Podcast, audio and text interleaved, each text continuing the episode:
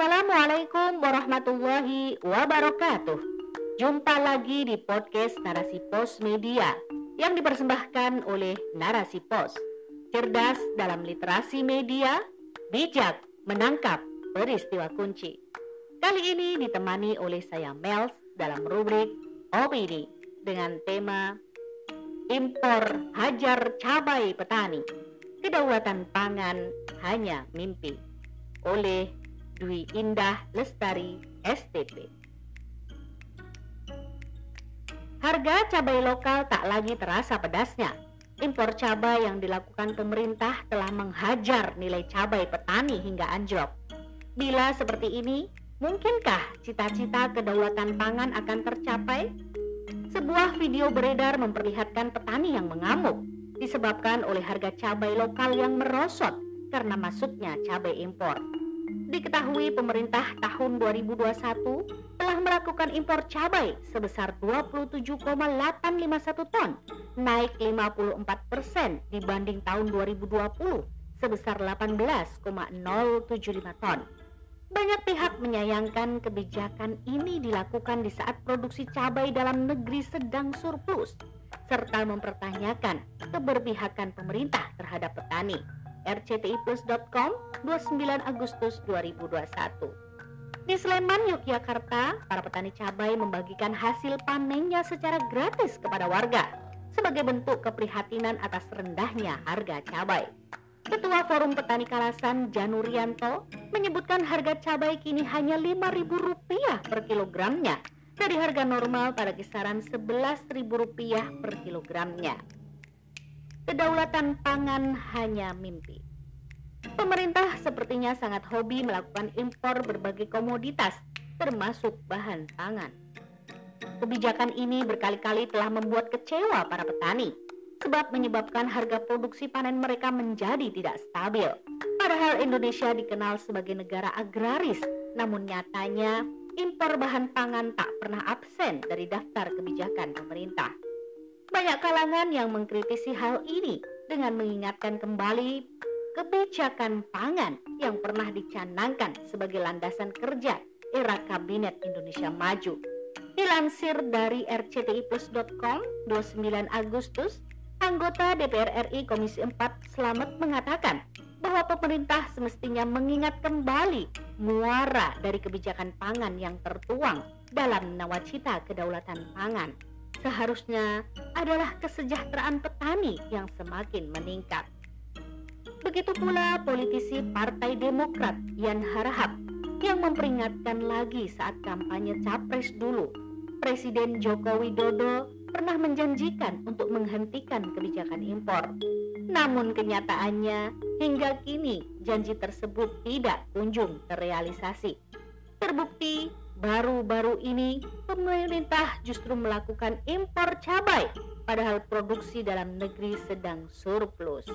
Pikiranrakyat.com 9 Agustus 2021 Bahkan pemerintah beberapa waktu lalu sedang gencar menjalankan program food estate yang bertujuan mewujudkan kedaulatan pangan negara. Namun yang sungguh mengherankan, kebijakan impor tetap terus dijalankan. Alih-alih dialokasikan untuk segera mewujudkan swasembada pangan nasional, pemerintah justru sepertinya tidak ragu mengeluarkan budget untuk impor bahan pangan, termasuk cabai.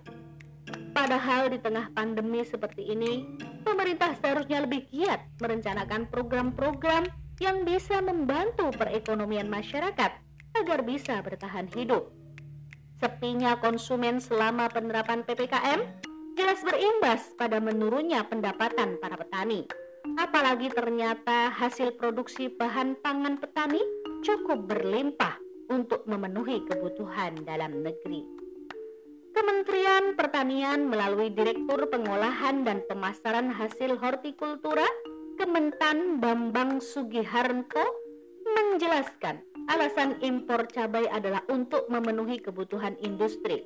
Cabai yang diimpor juga bukan dalam bentuk segar, melainkan cabai kering dan cabai tumbuk. Selain itu juga impor dilakukan untuk menurunkan harga cabai yang sempat tinggi. Namun pada kenyataannya cabai impor untuk industri tetap bocor di pasaran dan merusak harga cabai lokal milik petani. Alih-alih menstabilkan harga, kebijakan ini justru membuat cabai yang mereka perkirakan harganya bagus ternyata drop nilainya.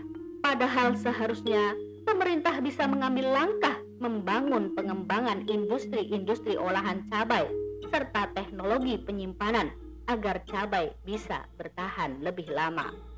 Dengan begitu, cabai lokal bisa diserap optimal dan memenuhi kebutuhan industri yang akan berdampak pada peningkatan kesejahteraan petani. Namun sepertinya pemerintah memang tidak serius ingin mewujudkan kedaulatan pangan nasional. Program swasembada pangan dalam negeri hanya menjadi mimpi belaka. Inilah buah dari penerapan sistem kapitalisme yang melahirkan pemimpin-pemimpin yang lebih berorientasi pada meraup keuntungan untuk diri dan kelompoknya saja. Pemimpin semacam ini tidak sungguh-sungguh mengurusi kepentingan rakyatnya. Sebaliknya, kekuasaan seakan menjadi kesempatan untuk mengembalikan modal politik yang telah mereka keluarkan dengan berbagai cara dan mengumpulkan dana agar tetap bertahan pada posisinya kebijakan Islam mewujudkan kedaulatan pangan.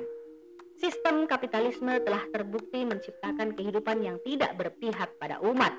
Saatnya umat meninggalkan sistem rusak ini dan kembali pada Islam dengan seperangkat aturannya yang sempurna dan sesuai dengan fitrah manusia. Islam menetapkan bahwa pemimpin memegang tanggung jawab untuk mengurusi urusan umat Amanah kepemimpinan ini akan ia pertanggungjawabkan kelak di hadapan Allah Subhanahu wa taala. Imam pemimpin itu pengurus rakyat dan akan dimintai pertanggungjawaban atas rakyat yang dia urus. Hadis riwayat Bukhari dan Ahmad.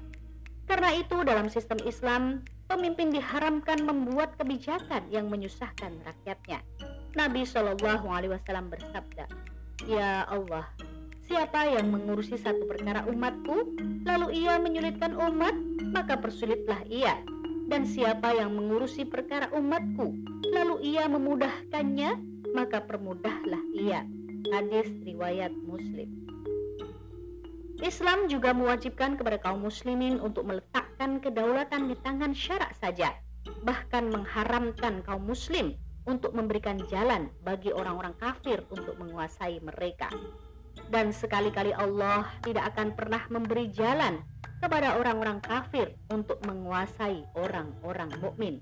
Quran Surat An-Nisa ayat 141 Untuk itu Islam menetapkan kedaulatan negara Islam harus ada dalam kendali kaum muslimin, termasuk kedaulatan pangan. Sebab hal ini menjadi salah satu kekuatan negara dalam menghadapi segala situasi, terutama saat terjadi krisis maka khilafah tidak boleh membiarkan kedaulatan pangannya tergantung pada negara lain. Dengan segala potensi alam yang dimiliki, khilafah akan menerapkan kebijakan politik pertanian yang akan mewujudkan ketahanan pangan nasional.